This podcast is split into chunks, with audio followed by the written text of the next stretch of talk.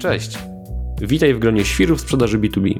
Ludzi, którzy chcą realizować ambitne plany sprzedażowe.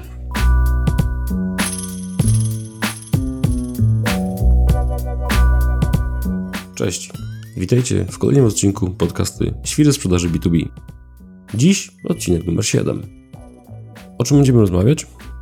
W zeszłym odcinku rozmawialiśmy o kosztach, o kosztach prospectingu, o tym ile kosztuje prospecting, robiony własnoręcznie, tak, in-house u Was w firmie oraz o tym, ile kosztują lidy, takie realne lidy pozyskane w projektach naszych klientów, więc zostajemy w nurcie rozliczeń i w nurcie finansowym. Mianowicie, dziś chciałbym wziąć na tapet e, temat, dlaczego nie powinniście rozliczać się z agencjami zajmującymi się pozyskiwaniem lidów za to, ile oni tych lidów pozyskają. Tak i w jaki sposób rozliczać się z agencją, żeby osiągać cele, które sobie zakładacie, i tak naprawdę, jako chyba jedna z niewielu firm w Polsce mówimy o tym głośno, że kupowanie lidów na sztuki jest bez sensu. Więc y, dzisiaj trochę o modelach rozliczeń, o tym, y, co ma sens, co nie ma sensu, z perspektywy tego, co widziałem przez ostatnie kilka lat na polskim rynku. Zaczynajmy. Przede wszystkim model CPL, tak? czyli cost per lead, model, w którym rozliczacie się za pozyskanego leada czy też model, w którym na przykład rozliczacie się za pozyskaną sprzedaż, czyli success fee, tak? gdzie załóżmy dostawca leadów e, dostarcza wam lidy i płacicie mu dopiero wtedy, kiedy coś im sprzedacie. Na przykład załóżmy 5% od takiej sprzedaży. Tak naprawdę e, model, gdzie e, jest to rozliczenie za sprzedaż, on ma tylko i wyłącznie sens w jakichś bardzo niestandardowych branżach, w bardzo specyficznych sytuacjach. Na przykład wiem, że w branży meblarskiej działają w Europie agenci sprzedaży, czyli osoby, które mają różnego rodzaju relacje z odbiorcami i producentami mebli i oni tak naprawdę liczą sobie procent za to, że załatwiają jakiś deal, mówiąc wprost. Ale w przypadku takich standardowych agencji, gdzie są jacyś klienci, jest jakiś rynek B2B i agencja ma dostarczyć leada, powiem szczerze, rzadko spotykam się, naprawdę rzadko spotykam się z modelem, gdzie jest jakiś success fee za sprzedaż, ale to jest powiązane też z modelem CPL, tak? czyli z modelem, gdzie, gdzie jest e, jakaś liczba lidów, za które płacisz. Jest też w tym wszystkim model, gdzie na przykład niektóre agencje gwarantują, że dostarczą ci załóżmy 30 lidów w 3 miesiące. I to de facto jest model CPL, czyli wy po prostu z góry płacicie za to, e, ile tych lidów wam pozyskają i, i, i muszą dobić do KPI, który sobie e, założyli wspólnie z wami, tak? Więc czy do CPL, gdzie płacicie tylko za pozyskane lidy, czy model Success Fee, gdzie płacicie w momencie, jak jest jakaś sprzedaż, czy model gwarancyjny, czyli otrzymujecie tak naprawdę gwarancję od dostawcy, czy obietnicę, może bardziej powinienem powiedzieć, że jakaś liczba lidów zostanie dostarczona. Jeśli nie zostanie dostarczona, to na przykład dostaniecie zwrot pieniędzy. To wszystko modele, w których tak naprawdę liczy się ilość. E, oczywiście e, pewnie część z Was słuchając tego powie tak, tak, tak, jakość, jakość, wszyscy mówią o jakości. Mi nie chodzi o jakość w tym momencie. Mi chodzi o to, że w modelu, w którym musicie pokryć Wasze koszty. Umówmy się, każda agencja tak naprawdę, która dostarcza lidy, to, to firma, tak? Czy czy freelancer, czy mała firma, czy duża firma, są tam koszty biura, koszty pracowników, koszty oprogramowania, koszty, nie wiem, biura rachunkowego chociażby, tak, koszty narzędzi. I myślę, że większość ze słuchaczy tego podcastu wie, że żeby firma zarobiła, a do tego dąży każda firma, no to od przychodów trzeba odjąć koszty i ta liczba musi być na plusie. Czyli jeśli macie 10 tysięcy złotych przychodu, 9 tysięcy kosztów, to, to, to jakby macie zysk, tak, zarobiliście 1000 zł. O to chodzi w firmach. To jakby ktoś nie wiedział, to e, taka darmowa lekcja biznesu. Wracając. Więc tak naprawdę każdej firmie dostarczającej lidy zależy na tym, żeby faktura od klienta była jak największa. Czyli ilość lidów musi być jak największa. Tak musi być jak największy ten w cudzysłowie sukces. Czy to dobre? Tak naprawdę liczba lidów no, nie za wiele jeszcze mówi, bo e, strategia, że po prostu docieramy tam, gdzie najłatwiej jest dotrzeć, żeby jak najwięcej lidów nam z tego wyszło, często nie jest strategia, która w przypadku waszych biznesów ma szansę zadziałać, a to strategia, która na przykład daje dużo lidów. I teraz, czy łatwiej pozyskać lida z mniejszej firmy niż z większej firmy? Często tak. Czy zależy wam na sprzedaży do większych firm zamiast do mniejszych firm? No i jeśli tak jest, to możecie po prostu się rozczarować, że będziecie otrzymywali lidy, które nie mają sensu. I w tym momencie wychodzi teoretyczny plus modelu CPL, czyli plus taki, że no jeśli nie ma sukcesu, jeśli nie ma lidów, które wam pasują, to nie płacicie. I teoretycznie to racja. Tylko co w momencie, jeśli chcecie osiągnąć jakiś cel sprzedażowy, chcecie pozyskać iluś tam klientów, no i czekacie na te lidy, które mają być, no i tych lidów nie ma. no bo tak naprawdę nie ma, moim zdaniem przynajmniej, nie ma już teraz łatwych projektów B2B. To znaczy nie ma czegoś takiego, że coś jest łatwe, żeby pozyskać lidy i tych lidów nagle zaczarujemy magiczną różdżką, nagle tych lidów będzie kilkadziesiąt czy kilkaset nawet w skali miesiąca. To bardzo trudne, żeby tak naprawdę grać na dużych liczbach. I jeśli jesteśmy w takim momencie, że potrzebujecie te lidy i liczycie, że dostawca wam je dostarczy, on nie dostarcza, to tak naprawdę nie dojdziecie do swojego celu. I dostawcy lidów w modelu CPL, czy w jakimś takim modelu gwarancyjnym, nazwijmy to tak, gdzie ileś tych lidów muszą fizycznie dostarczyć, po prostu polegają na tym, żeby robić łatwe projekty, a nie trudne projekty. Spójrzcie od tej strony. Załóżmy, agencja ma trzech klientów. Dla jednego z nich pozyskuje się lidy trudno jest ich bardzo mało. Dla dwóch innych pozyskuje się te lidy w prostszy sposób. To są jakieś prostsze usługi, tańsze produkty i tych lidów jest więcej. To umówmy się, dla kogo ta agencja będzie się bardziej starała? Dla tej jednej firmy, gdzie jest trudno i faktury są niskie, bo lidów jest mało, czy dla tych dwóch pozostałych firm, dla których jest łatwiej? Myślę, że odpowiedź jest oczywista. Skoro firma potrzebuje przychód, no to będzie starała się dla tych, dla których jest łatwiej. Kropka. I teraz fajnie, jeśli to wy jesteście w tym, e, w tym miejscu tych, tych łatwych projektów, tak? Wy jesteście firmą, dla której się łatwiej pozyskuje te lidy. Tylko co w przypadku, jeśli jesteście tą firmą, gdzie jest trudno? A tak jak powiedziałem przed chwilką, nie ma moim zdaniem dzisiaj już łatwych projektów. I każdy jest trudny, niektóre są po prostu trochę bardziej trudne niż inne. Więc tak naprawdę marnujesz czas czekając na efekty, które mogą tak naprawdę nigdy nie nadejść. No bo tak naprawdę dostawcy w ogóle nie zależy na tym, żeby coś wam dostarczyć. I ten dostawca, aby dostarczyć lidy, tak jak mówiłem też yy, chwilę temu, idzie tam, gdzie jest łatwo. Czyli tak naprawdę realizuje strategię, która daje najwięcej lidów. A wcale ta strategia, która daje najwięcej lidów, nie musi być strategią, która daje najwięcej sprzedaży. I wiecie, ja w kółko tak naprawdę w tym podcaście, czy, czy u siebie na LinkedInie, czy w kontencie, który my jako firma wypuszczamy, my ciągle w kółko powtarzamy, żeby właśnie patrzeć na kanały marketingowe i na współpracę z różnymi firmami marketingowymi przez pryzmat tego, ile z tego jest sprzedaży. Po prostu. Bo tak naprawdę to nie jest ważne, czy wy macie jednego, dziesięć czy tysiąc lidów miesięcznie. Jeśli z tego nie ma klienta, no to tak naprawdę cały ten wysiłek idzie jak para w gwizdek, tak? I e, my to też nieraz widzieliśmy w naszych wewnętrznych kampaniach, gdzie opierając się o różne typy triggerów zakupowych, a czym są triggery, to już wiecie z poprzednich odcinków, potrafiliśmy pozyskać na przykład w dwa tygodnie 30 lidów. Możecie teraz pomyśleć, wow, 30 lidów w B2B w dwa tygodnie to jest super wynik. Fakt, ale na przykład ta strategia w ogóle nam nie dała sprzedaży. I teraz wiecie, ilość kwalifikacji, ilość rozmów z klientami, ilość ofert, które z tego też zrobiliśmy, była duża. Wiadomo, no nie wszystkie 30 lidów przeszło na dalsze etapy procesu sprzedaży, ale zajęło to czas. Czas, który de facto potem się nie zwrócił.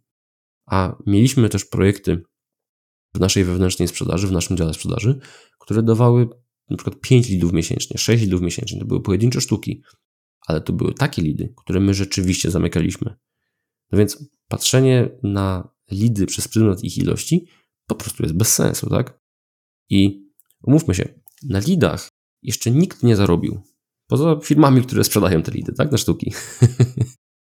Kolejny argument. Jeśli kupujesz e, lidy, tak, e, na sztuki, czy masz jakąś gwarancję, czy cokolwiek, to tak naprawdę nie wiesz, jak one zostały pozyskane, skąd są, co one o was wiedzą. Jesteś po prostu dostawcą usług XYZ. Załóżmy usług finansowych. I jeśli jakaś firma pozyskuje lidy, na przykład dzwoniąc do potencjalnych klientów, tak? I pyta, czy jest pan zainteresowany usługami finansowymi. No i załóżmy, ten potencjalny klient odpowiada, tak jestem.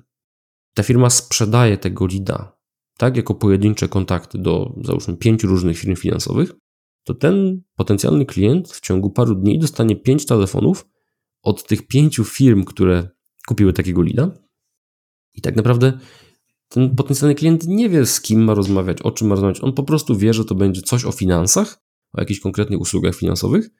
I w momencie, w którym naraz u jednego klienta spotyka się pięciu konkurentów, praktycznie w tym samym momencie, czym oni mogą konkurować? Tak naprawdę, głównie ceną.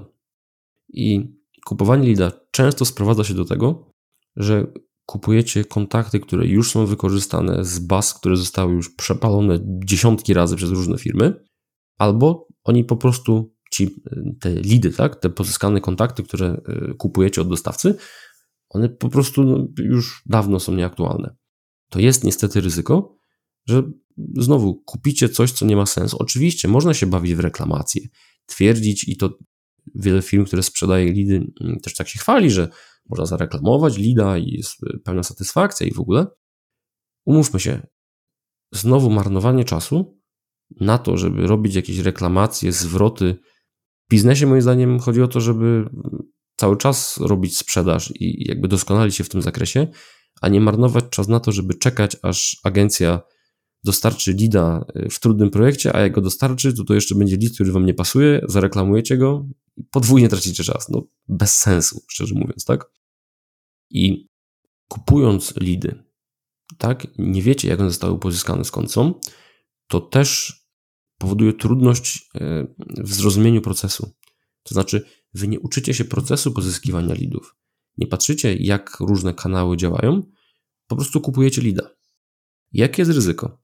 Ryzyko jest takie, że jeśli ten dostawca postanowi zerwać umowę z wami, albo przyjdzie konkurencja, która zapłaci więcej za lida, albo przyjdzie firma, która na przykład ma nagle ogromne budżety i, i, i warunkiem współpracy z nimi będzie to, żeby dany dostawca działał na wyłączność, to, to zostajecie z ręką w nocniku. W tym momencie nie wiecie, skąd były te lidy, jak one były pozyskiwane, nie macie żadnych baz danych, nie macie żadnych treści, żadnej wiedzy, strategii, nic tak naprawdę nie macie. Po prostu zostajecie odcięci od lidów, może być z dnia na dzień. Moim zdaniem to jest ogromne ryzyko biznesowe, bo tak naprawdę nigdy nie wiadomo, co się wydarzy, tak? Znam przykład branży, mm, tak naprawdę y, firmy z branży finansowej. To była firma faktoringowa. Znam przykład, to jest przykład sprzed mm, nie wiem, mniej więcej dwóch, trzech lat. Nagle do Polski wszedł duży konkurent tej firmy i zaczął Google zasypywać dużymi budżetami. Oczywiście to nie dotyczy leadów, jasne, to dotyczy bardziej kwestii związanych z kampaniami reklamowymi w Google, Google Adsów, ale bardzo podobny case firma konkurencyjna nagle zaczęła sypać duże budżety do Google'a i zaczęli mieć wyższe pozycje, bo wszedł po prostu mocniejszy gracz. W przypadku kupowania lidów jest dokładnie tak samo. Jeśli przyjdzie mocniejszy gracz, da swoje warunki, możecie po prostu wypaść z gry. Moim zdaniem to jest ogromne ryzyko. I ten lead, który kupujecie, on jest sprzedawany do różnych firm, więc to też z perspektywy nawet takiej psychologicznej jak już dzwoni pierwszy potencjalny dostawca do tego lida, to jeszcze ten klient może chętnie porozmawiać. Jak drugi dostawca zadzwoni, to, to też jeszcze porozmawia, wiecie, porównać oferty i tak dalej. Ale trzeci, czwarty, piąty i dalej z kolei mają coraz bardziej pod górkę. Bo tak naprawdę ten klient, czy bardziej ten lead, tak, który został sprzedany do różnych firm, on jest po prostu zmęczony już. No bo ile można rozmawiać z różnymi dostawcami, de facto o tym samym, tak? To jest też kolejne ryzyko, że im dalej w las, tym trudniej tą sprzedaż zrobić. Tym mniejszą konwersję z tego wyciśniecie. Fakty są takie, że też dzisiejsze czasy nie są łatwe od strony marketingu i od strony leadów. O leady jest coraz trudniej i to jest fakt. To, że jakaś strategia zadziałała 10 razy, nie znaczy, że zadziała 11 raz. Agencja, która działa w modelu e, sprzedawania leadów, czy, czy w takim bezpiecznym modelu, kontaktując strategie, które po prostu e, dają dużo leadów, no nie ma za bardzo możliwości, żeby do tego kreatywnie podejść. Nie ma miejsca na ryzyko, bo tak naprawdę ta agencja nie może ryzykować, że jakiś projekt nie wyjdzie, no bo będą musieli, wiecie, siedzieć za darmo i robić projekt, który powinien się dawno skończyć. Więc to też jest duży problem, że w momencie, w którym trudno jest na rynku pozyskać lidy, wypracujecie z dostawcą, który nie ma możliwości na ryzyko. Tak naprawdę e, często w naszej historii im bardziej ryzykowne pomysły, tak? Im bardziej ryzykowne strategie mieliśmy z klientami, tym więcej fajnych lidów potrafiło z tego być. Dlaczego? Bo mało kto to robi. A jak są strategie, które mało kto robi, to one często potrafią dać bardzo fajny rezultat. Jeżeli podoba Ci się ten materiał, nie zapomnij zasubskrybować naszego kanału.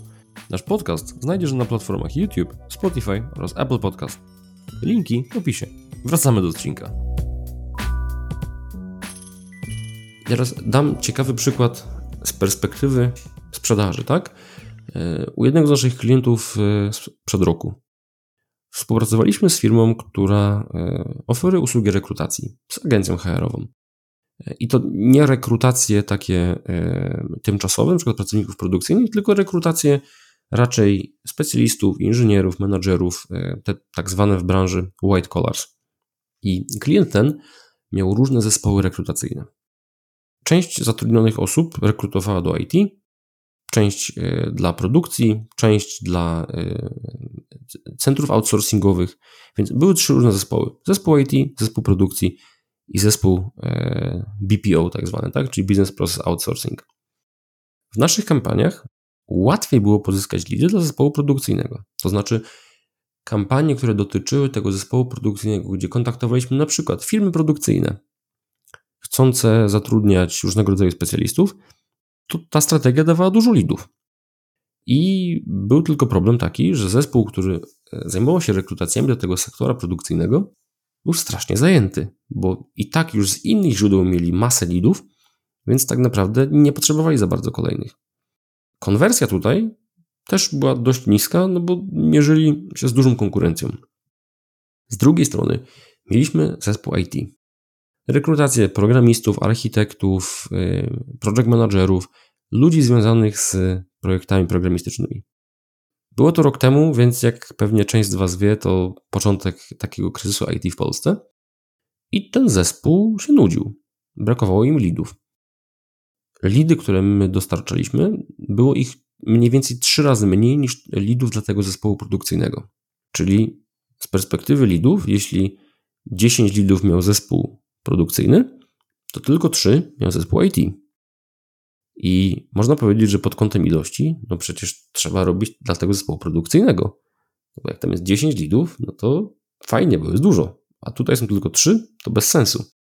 Ale z perspektywy biznesowej, jeśli jest zespół, który jest zawalony robotą i dorzucamy im kolejne tematy, gdzie udaje im się sprzedawać, tak naprawdę to, to jest bez sensu, bo nie będą tylko coraz bardziej zakopani w pracy, więc ich praca straci na jakości, prędzej czy później.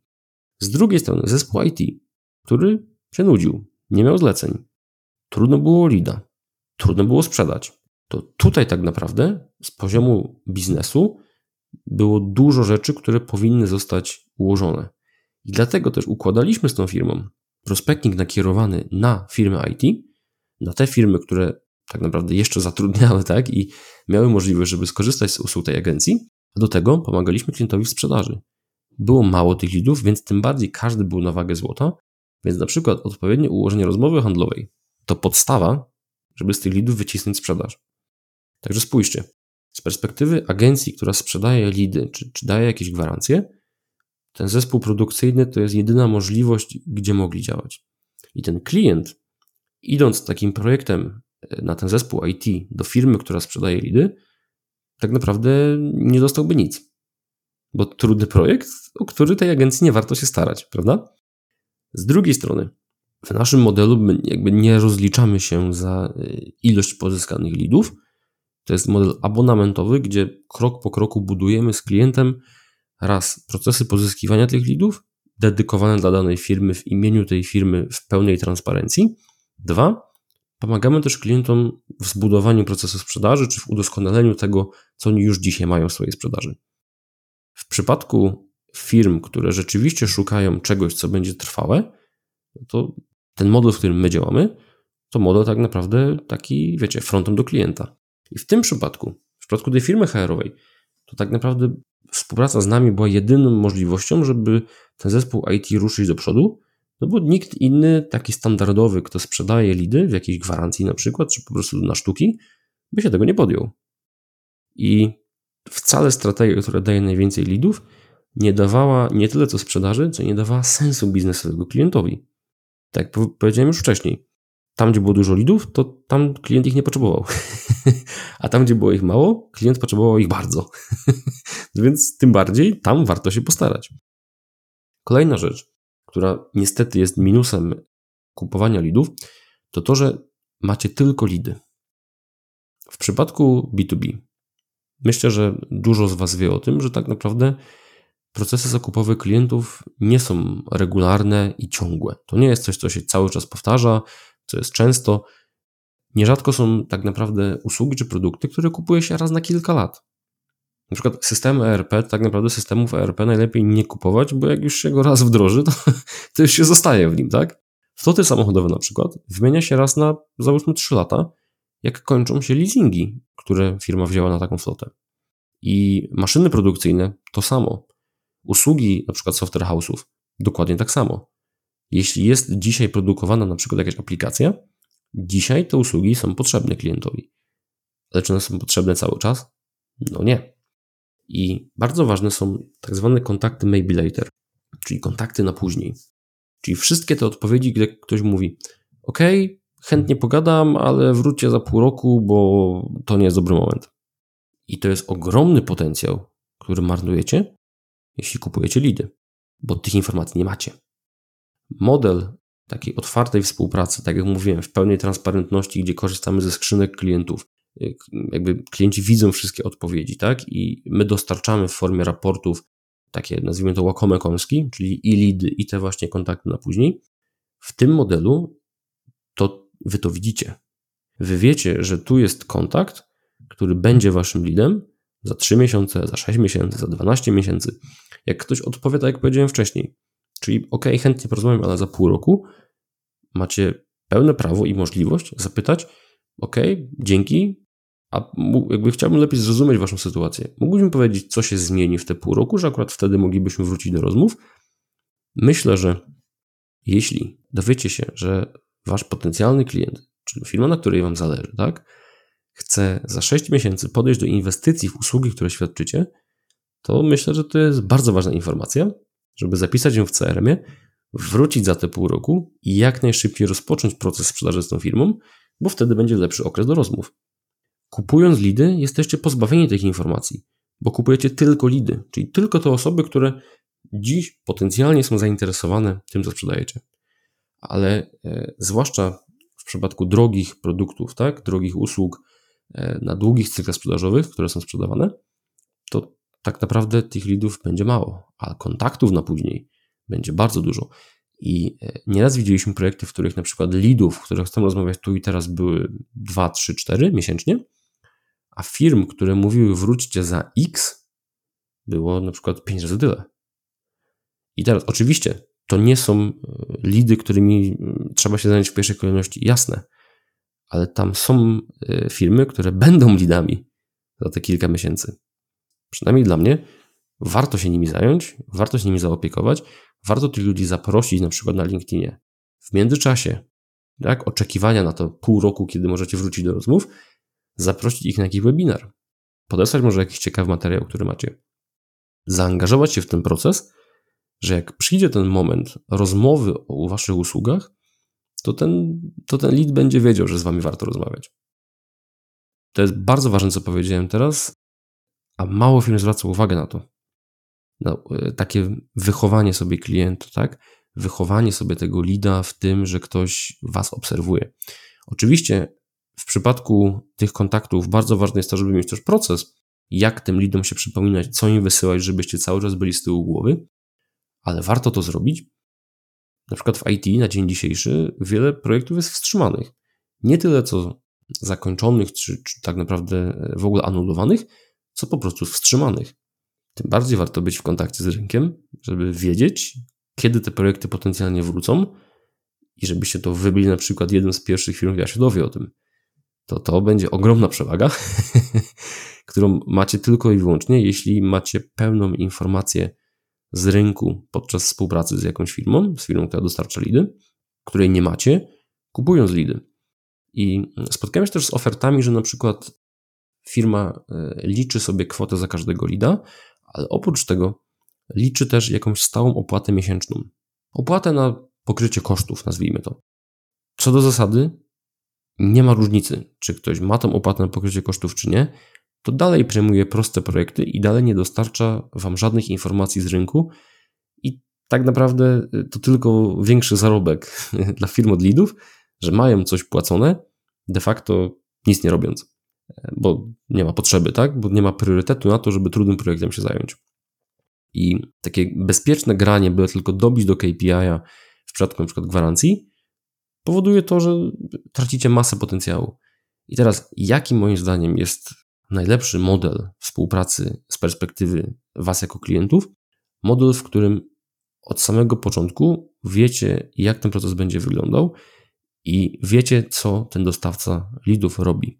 Czyli jakiego typu firmy kontaktuje, jakie osoby w tych firmach, od jakich osób zaczniecie kontakty, a do których osób pójdziecie w drugiej kolejności, jak wyglądają treści, jak wyglądają całe sekwencje, jak to wszystko jest spięte w jakąś sensowną strategię. Czy jest jakiś plan A, plan B, plan C? Czy ten dostawca pomaga Wam w obsłudze tych lidów, podpowiada, co można z nimi zrobić? To są bardzo ważne aspekty na etapie samych przygotowań. A w trakcie realizacji, czy macie pełną świadomość tego, jak te wiadomości są wysyłane? Czy to są skrzynki mailowe z Waszej domeny, to są super kluczowe rzeczy, żeby ten potencjalny klient, do którego jest wysyłana kampania, od razu widział waszą firmę, waszą markę, waszych ludzi podpisanych na przykład w tej stopce wiadomości mailowej, żeby nie było zaskoczenia i żeby te lidy de facto były wasze. Kolejny ważny aspekt to jest to, czy firma po, współ, jakby po zakończonej współpracy, tak? Jeśli z jakiegoś powodu zakończy się współpraca pomiędzy wami a pomiędzy dostawcą lidów, co oni zostawią po sobie? czy materiały typu spisane strategie po jakichś warsztatach, e, bazy danych kontaktowane, e, dostępy do narzędzi, czy to zostanie z Wami, czy oni to wezmą ze sobą. Bo to jest też część e, na przykład tego procesu uczenia się. To, że z jakimś dostawcą coś nie wyszło, ok, ale Wy zostajecie z materiałami, które możecie analizować i wykorzystać w innych współpracach przykładowo. Ważne jest to, żeby rzeczywiście mm, mieć taki otwarty, transparentny model. Oczywiście w przypadku strategii, o której mówiłem wcześniej, ważne jest też to, żeby dostawca nakreślił z Wami plan, jak ta kampania będzie wyglądała, co się będzie po kolei działo. Plan ABC to jest też bardzo ważne, żeby wiedzieć, co my zrobimy, jak coś nie wyjdzie, czyli co będziemy zmieniali, żeby ta kampania działała.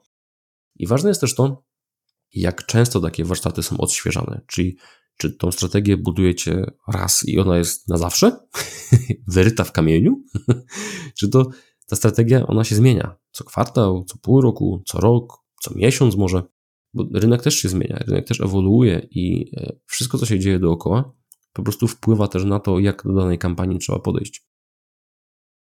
Następny aspekt, na który warto zwrócić uwagę, to aspekt RODO. Czy wy jako klient jesteście administratorem danych i na przykład zgody marketingowe podczas takiej kampanii zbierane są dla was, czy to jakiś pokrętny model, w którym wy nie jesteście administratorem jako klient, ktoś inny jest administratorem i na końcu się okazuje, że dostajecie lidy, które, y, do których nie możecie się odezwać nawet, no bo nie będąc administratorem, a kampania jest zrobiona dla was, na wasze zlecenie, w waszym imieniu, z waszymi podpisami, to tak naprawdę y, wy musicie być tym administratorem, żeby móc te lidy obrabiać w waszym CRM-ie, przetwarzać te dane, mieć zgody i tak dalej. Jeśli nie jesteście administratorem, to nie macie tak naprawdę prawa do korzystania z tych danych kontaktowych. To bardzo ważny punkt, o którym najczęściej się zapomina i on wyjdzie w najmniej oczekiwanym momencie. I mm, tak jak ustaliliśmy wcześniej, lidy to za mało, więc patrzcie na współpracę z firmami, e, które dostarczają e, tego typu usługi w szerszy sposób. W sposób właśnie researchu rynku, w sposób e, sprawdzenia, co ma sens, co nie ma sensu, w sposób poznania różnych kontaktów, które mogą zaowocować w przyszłości. Jest jeszcze jeden ważny punkt. Zostawiłem go na koniec, ale to nie znaczy, że jest najmniej ważny. Wiele firm o tym nie myśli, w trakcie projektu ekstremalnie ważne jest wsparcie w wygrywaniu sprzedaży na tych pozyskanych wcześniej wspólnie lidach. I nie mam tutaj na myśli tego, że dostawca ma zostać waszym handlowcem i sprzedać za was ten produkt czy usługę. To się nie wydarzy, umówmy się. Ale dostawca może i powinien być waszym partnerem w zakresie procesu sprzedaży i konsultacji w ramach niego. W końcu nie chodzi tylko o to, czy pozyskamy tego lida, ale najważniejsze jest to, czy my mu sprzedamy. My w GetSales w sumie jako pierwsi na rynku odświeżyliśmy już rok temu ofertę i pomagamy klientom poprzez na przykład wdrożenie systemu CRM, konsultacje z handlowcami, testowe spotkania z nimi, e, wdrażamy analitykę ofert bardzo często, czy po prostu wspieramy handlowców podczas prowadzenia całego procesu sprzedaży. Dzięki temu my jako dostawca mamy realny wpływ na sprzedaż, a nie tylko na suchą liczbę pozyskanych lidów. Nawet jak wasz dostawca chociażby e-book o tym, jak skutecznie sprzedawać, to już jest dobry pierwszy krok do tego, żeby rzeczywiście pomogli Wam w tym, żeby dzięki współpracy zwiększyć przychody, a nie tylko nabijać tak naprawdę puste liczby lidów, które nic nie znaczą na końcu. Także myślę, że wyczerpaliśmy temat i myślę, że jako podsumowanie warto spojrzeć na to, że kupowanie lidów jest niebezpieczne od takiej strony, że zostajecie bez jakiejkolwiek wiedzy. Z drugiej strony dostajecie lida, którego dostały też inne firmy, Trzecia sprawa, jeśli wasz projekt jest trudniejszy niż inne, to będziecie czekali na efekty, których nie doczekacie. Czwarty aspekt to to, że tam, gdzie jest łatwo i tam, gdzie jest dużo lidów, nie zawsze jest dużo sprzedaży. Piąty aspekt, jeśli dostawca postanowi zerwać z wami umowę, zostajecie z dnia na dzień z pustymi rękoma. Odwracając to wszystko, jaki model moim zdaniem ma największy sens? Model, w którym macie transparentność działań, wszystkie ustalenia zrobione są z wami, Macie wpływ na to, jak ta kampania będzie wyglądała. Widzicie wszystkie odpowiedzi i wszystkie kontakty, które są podczas tej kampanii. Strategia jest odświeżana na bieżąco, czyli dostawca ma plan, jak dojść z wami do określonego celu. Te cele najlepiej były też określone jakoś konkretnie, na przykład jakimś KPI-em leadów, do którego chcecie dobić. Tak? I jeśli wy uznacie, że na przykład do osiągnięcia wyników sprzedaży potrzebujecie 30 leadów w pół roku, które zamkniecie na przykład e, na pięciu klientów, to też trzeba to jasno z dostawcą ustalić i miesiąc w miesiąc tak naprawdę analizować, czy przybliżacie się do tego celu, czy też nie. Także model transparentny, model, w którym krok po kroku idziecie do celu z tym dostawcą, moim zdaniem jest jedynym modelem, który rzeczywiście ma szansę zadziałać w dzisiejszych czasach, więc przy następnej rozmowie z dostawcą leadów Sprawdźcie, jak oni do tego podchodzą. I jeśli zaoferują Wam wspaniałego lida za 100, 200, 300 zł, to już wiecie z poprzedniego odcinka, że te wspaniałe lidy za 200 zł to wcale takie wspaniałe nie są. Także mam nadzieję, że tym odcinkiem rozjaśniłem trochę to, jak działa ten rynek lidowy i czego realnie możecie się spodziewać, pracując w różnych typach e, kampanii. Także klasycznie na koniec prośba o zostawienie subskrypcji, jeśli jeszcze tego nie robicie. Jesteśmy na YouTubie, na Apple Podcast, na Spotify, także każda platforma, na której Wam jest e, wygodnie, ma możliwość subskrypcji, więc zachęcam. tak samo zachęcam do e, ocen, czy do łapek w górę, czy też w dół, jeśli z jakiegoś powodu odcinek Wam się nie spodobał. Jestem otwarty na feedback, chętnie podyskutuję na LinkedInie jak zawsze. Także trzymajcie się, do następnego i powodzenia w sprzedaży, standardowo. Hej, na razie.